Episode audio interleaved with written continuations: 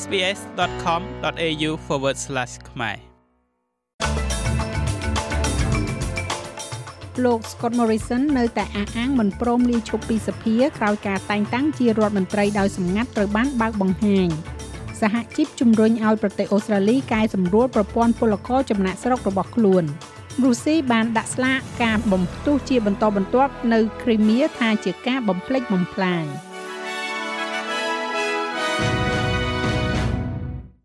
អតីតនាយករដ្ឋមន្ត្រីលោក Scott Morrison បានចេញមុខការពីសារជាថ្មីម្ដងទៀតនៅសកម្មភាពរបស់លោកក្នុងការទទួលទួនាទីដោយសម្ងាត់នៅក្នុងវិស័យផ្សេងៗគណៈពេលដែលលោកកាន់តំណែងជានាយករដ្ឋមន្ត្រី សមាជិកសភាសហព័ន្ធសម្រាប់មណ្ឌលឃុករូបនេះបានថ្លែងទៅកាន់ប្រព័ន្ធផ្សព្វផ្សាយនៅទីក្រុងស៊ីដនីជាលើកដំបូងចាប់តាំងពីមានការលាតត្រដាងអំពីការកាន់តួនាទីក្នុងរដ្ឋាភិបាល និងតំណែងជានាយករដ្ឋមន្ត្រីរបស់លោកនៅចន្លោះខែមីនាឆ្នាំ2020ដល់ខែឧសភាឆ្នាំ2021ត្រូវបានផ្សព្វផ្សាយជាសាធារណៈលោកបានបដិសេធមិនព្រមលាលែងចេញពីសភាឡើយបើទោះបីជាមានការអំពាវនាវ ឲ្យលោកឈប់ធ្វើនយោបាយក៏ដោយហើយជាថ្មីម្ដងទៀតលោកបានសុំទោសដល់សហការីនិងសាធារណជនដែលមិនបានដឹងអំពីចំណាត់ការនេះលោកនិយាយថាសកម្មភាពរបស់លោកក្នុងការកាន់តួនាទីនេះមិនមែនសម្រាប់ការរីកចម្រើនផ្ទាល់ខ្លួនណាមួយទេលោក Morrison ក៏បានជំរុញឲ្យប្រព័ន្ធផ្សព្វផ្សាយគោរពដល់ឯកជនភាពរបស់គ្រួសារលោក និងកុំរំលោភបំពានដល់ផ្ទះរបស់ក្រុមគ្រួសារលោក As a member of parliament of course I'm accountable and I'm happy to be here today ក្នុងនាមជាសមាជិកសភាប៉ុន្តែខ្ញុំមានទំនួលខុសត្រូវហើយខ្ញុំសប្បាយចិត្តដែលបានមកទីនេះនៅថ្ងៃនេះប៉ុន្តែសមាជិកក្នុងគ្រួសាររបស់ខ្ញុំមិនមានអ្វីពាក់ព័ន្ធនឹងរឿងនេះទេ កាមេរ៉ាដែលអង្គុយនៅខាងក្រៅផ្ទះខ្ញុំ ជារៀងរាល់ថ្ងៃនឹងថតរូបភរិយានិងកូនស្រីខ្ញុំទៅសាលារៀនឬក៏ទៅញ៉ាំកាហ្វេឬក៏ចង់មានមិត្តភ័ក្តិនៅជុំវិញ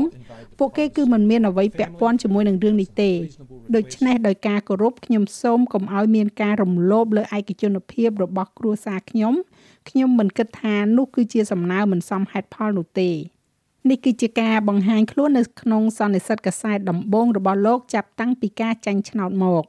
ជាមួយនឹងការអំពាវនាវកាន់តែខ្លាំងឡើងសម្រាប់អតីតនាយករដ្ឋមន្ត្រីរូបនេះឲ្យលាលែងចេញពីសភានោះទូនាទីរបស់អគ្គមេធាវីទៅលើការតែងតាំងជាសម្ងាត់នេះក៏ត្រូវបានគេផ្ដោតការយកចិត្តទុកដាក់ផងដែរទូនីតិរបស់អគ្គមេធាវីលោក David Hurley នៅក្នុងការតែងតាំងក្រសួងដោយសម្ងាត់របស់លោក Scott Morrison ត្រូវបានដាក់ឲ្យស្ថិតក្រោមការត្រួតពិនិត្យដោយសមាជិកសភាជាច្រើនរូប ដែលមានការអំពាវនាវឲ្យមានការពន្យល់ដល់សាធារណជនអូស្ត្រាលី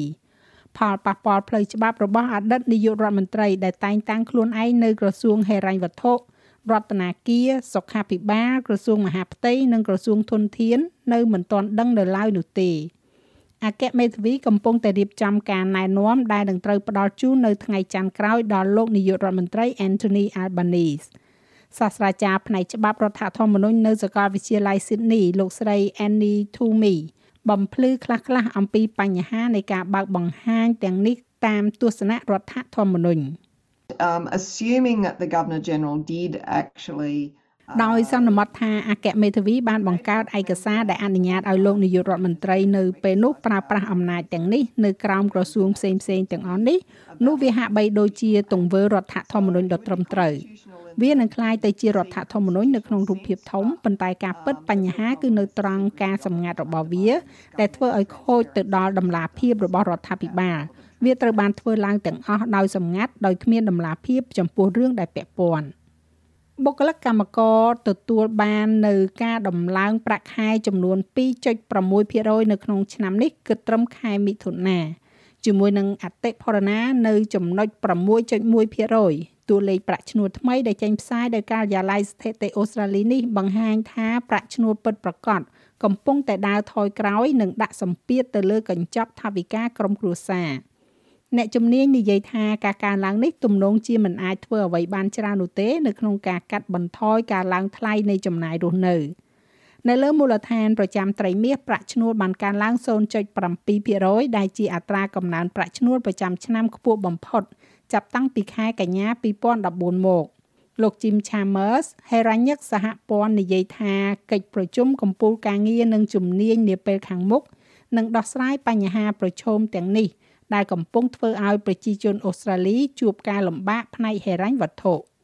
Uh, we're pleased to see wages growth picking up again. យើងរីករាយដែលឃើញកំណើនប្រាក់ឈ្នួលកើនឡើងម្ដងទៀតប៉ុន្តែវានៅទាបជាងអត្រាអតិផរណាឆ្ងាយណាស់ហើយនោះ មានន័យថាប្រាក់ឈ្នួលពិតប្រាកដនៅតែថយចុះយ៉ាងខ្លាំង ដូច្នេះយើងមានកំណើនប្រាក់ឈ្នួលកើនឡើងតាមរបៀបដែលមានការទទួលស្វាគមន៍ប៉ុន្តែប្រាក់ឈ្នួលពិតប្រាកដធ្លាក់ចុះដោយសារតែបញ្ហាប្រឈមអតិផរណាដែលយើងកំពុងដោះស្រាយនៅពេលនេះថ្ងៃនេះយើងកំពុងចេញផ្សាយឯកសារក្នុងនាមជារដ្ឋាភិបាលអំពីបញ្ហាដែលជួនដំណឹងដល់ការពិភាក្សានៅក្នុងកិច្ចប្រជុំកំពូលការងារនិងជំនាញ។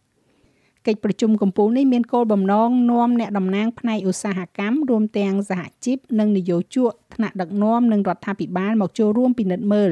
បញ្ហាប្រឈមសេដ្ឋកិច្ចនិងស្នើដំណោះស្រាយភ្លាមៗនឹងយូរអង្វែង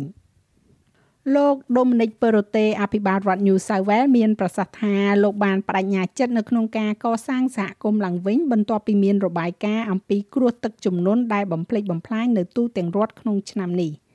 រដ្ឋាភិបាលរដ្ឋនេះនិយាយថាខ្លួនបានទទួលយកនៅរាល់អនុសាសន៍ទាំងអស់រួមទាំងកំណែទម្រង់ការគ្រប់គ្រងគ្រាអាសន្ននិងវិធីល្អបំផុតក្នុងការជួយស្ដារឡើងវិញក្រោយពីគ្រោះមហន្តរាយលោកប៉េរ៉ូតេមានប្រសាសន៍ថាមជ្ឈមណ្ឌលប្រតិបត្តិការគ្រាអាសន្នជាអចិន្ត្រៃយ៍ថ្នាក់រដ្ឋមួយនឹងត្រូវបានបង្កើតឡើងក្រោមការដឹកនាំរបស់ប៉ូលីសហើយអង្គភាព Resilience New South Wales នឹងត្រូវបានកែលម្អ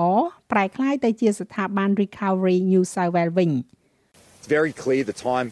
វាច្បាស់ណាស់ថាពេលវេលាដែលយើងចំណាយនៅក្នុងតំបន់ Northern Rivers សារៈសំខាន់នៃសហគមន៍នេះហើយខ្ញុំបាននិយាយអំពីស្មារតីនៃសេវាកម្មនៅក្នុងសហគមន៍នេះប៉ុន្តែការខ្វះការសម្របសម្រួលពីរដ្ឋាភិបាលតាក់ទងនឹងរឿងនោះ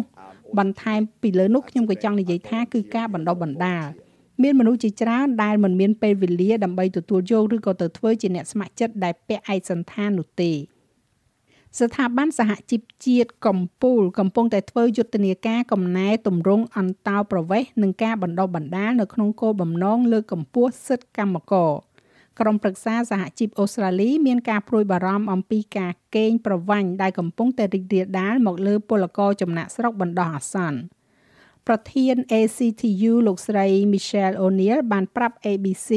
ថាលោកស្រីគ្រប់គ្រងការកើនឡើងនៅកម្រិតក្នុងការទទួលយកអន្តោប្រវេសន៍ ប្រសិនបើលក្ខខណ្ឌត្រូវបានកែលម្អសម្រាប់បុគ្គលិក We're saying any increase in the permanent យើងកំពុងនិយាយថាការកើនឡើងនៅចំនួនកំណត់ការធ្វើអន្តោប្រវេសន៍អចិន្ត្រៃយ៍ត្រូវតែមានលក្ខខណ្ឌលើការផ្លាស់ប្ដូររចនាសម្ព័ន្ធដែលផ្ដល់នូវកំណើនប្រាក់ឈ្នួលពិតប្រាកដ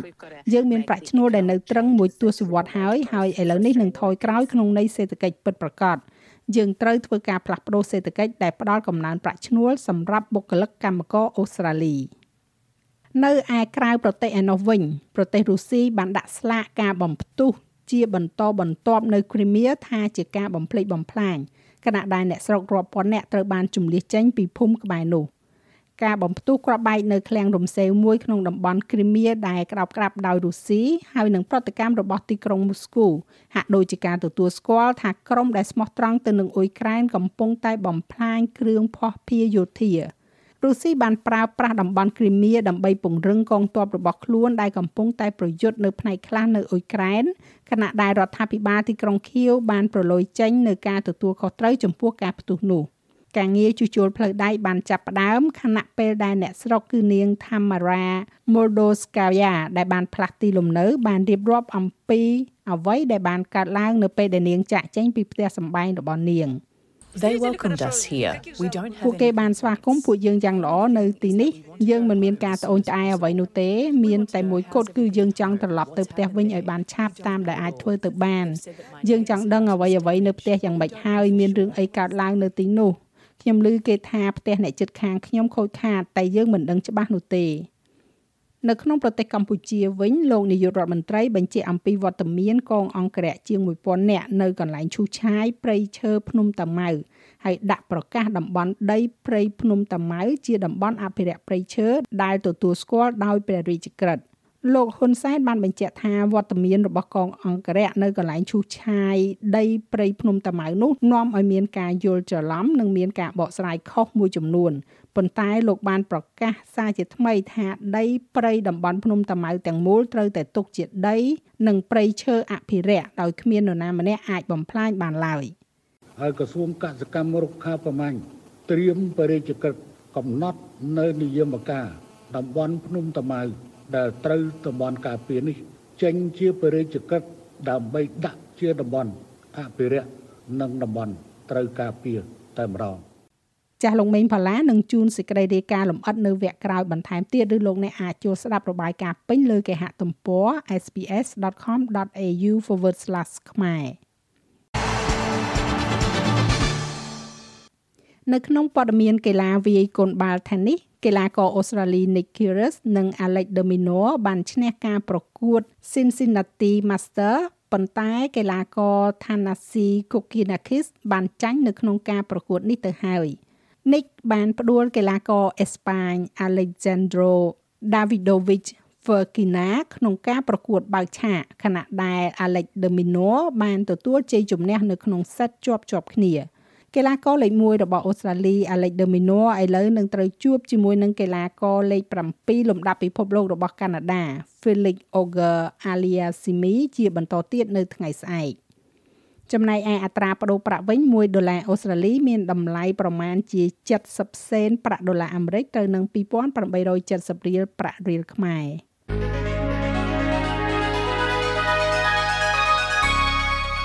ឥឡូវយើងក៏លេខមកមើលការព្យាករណ៍អាកាសធាតុសម្រាប់ថ្ងៃប្រហ័សស្អែកនេះវិញទីក្រុងផឺតមានពពក17អង្សា អាដាលេដមានភ្លៀង16អង្សា មែលប៊នរលឹមនិងមានខ្យល់16អង្សា ហូបាតរលឹម17អង្សា ខេនបារ៉ាមានពពក16អង្សា មានពពកដូចគ្នានៅស៊ីដនី22អង្សា នៅ Brisbane បើកថ្ងៃ23អង្សា ទីក្រុងខាន មានពពក27អង្សា Darwin បើកថ្ងៃ33អង្សា និងទីក្រុងភ្នំពេញមានផ្គររន្ទះរាយប៉ាយ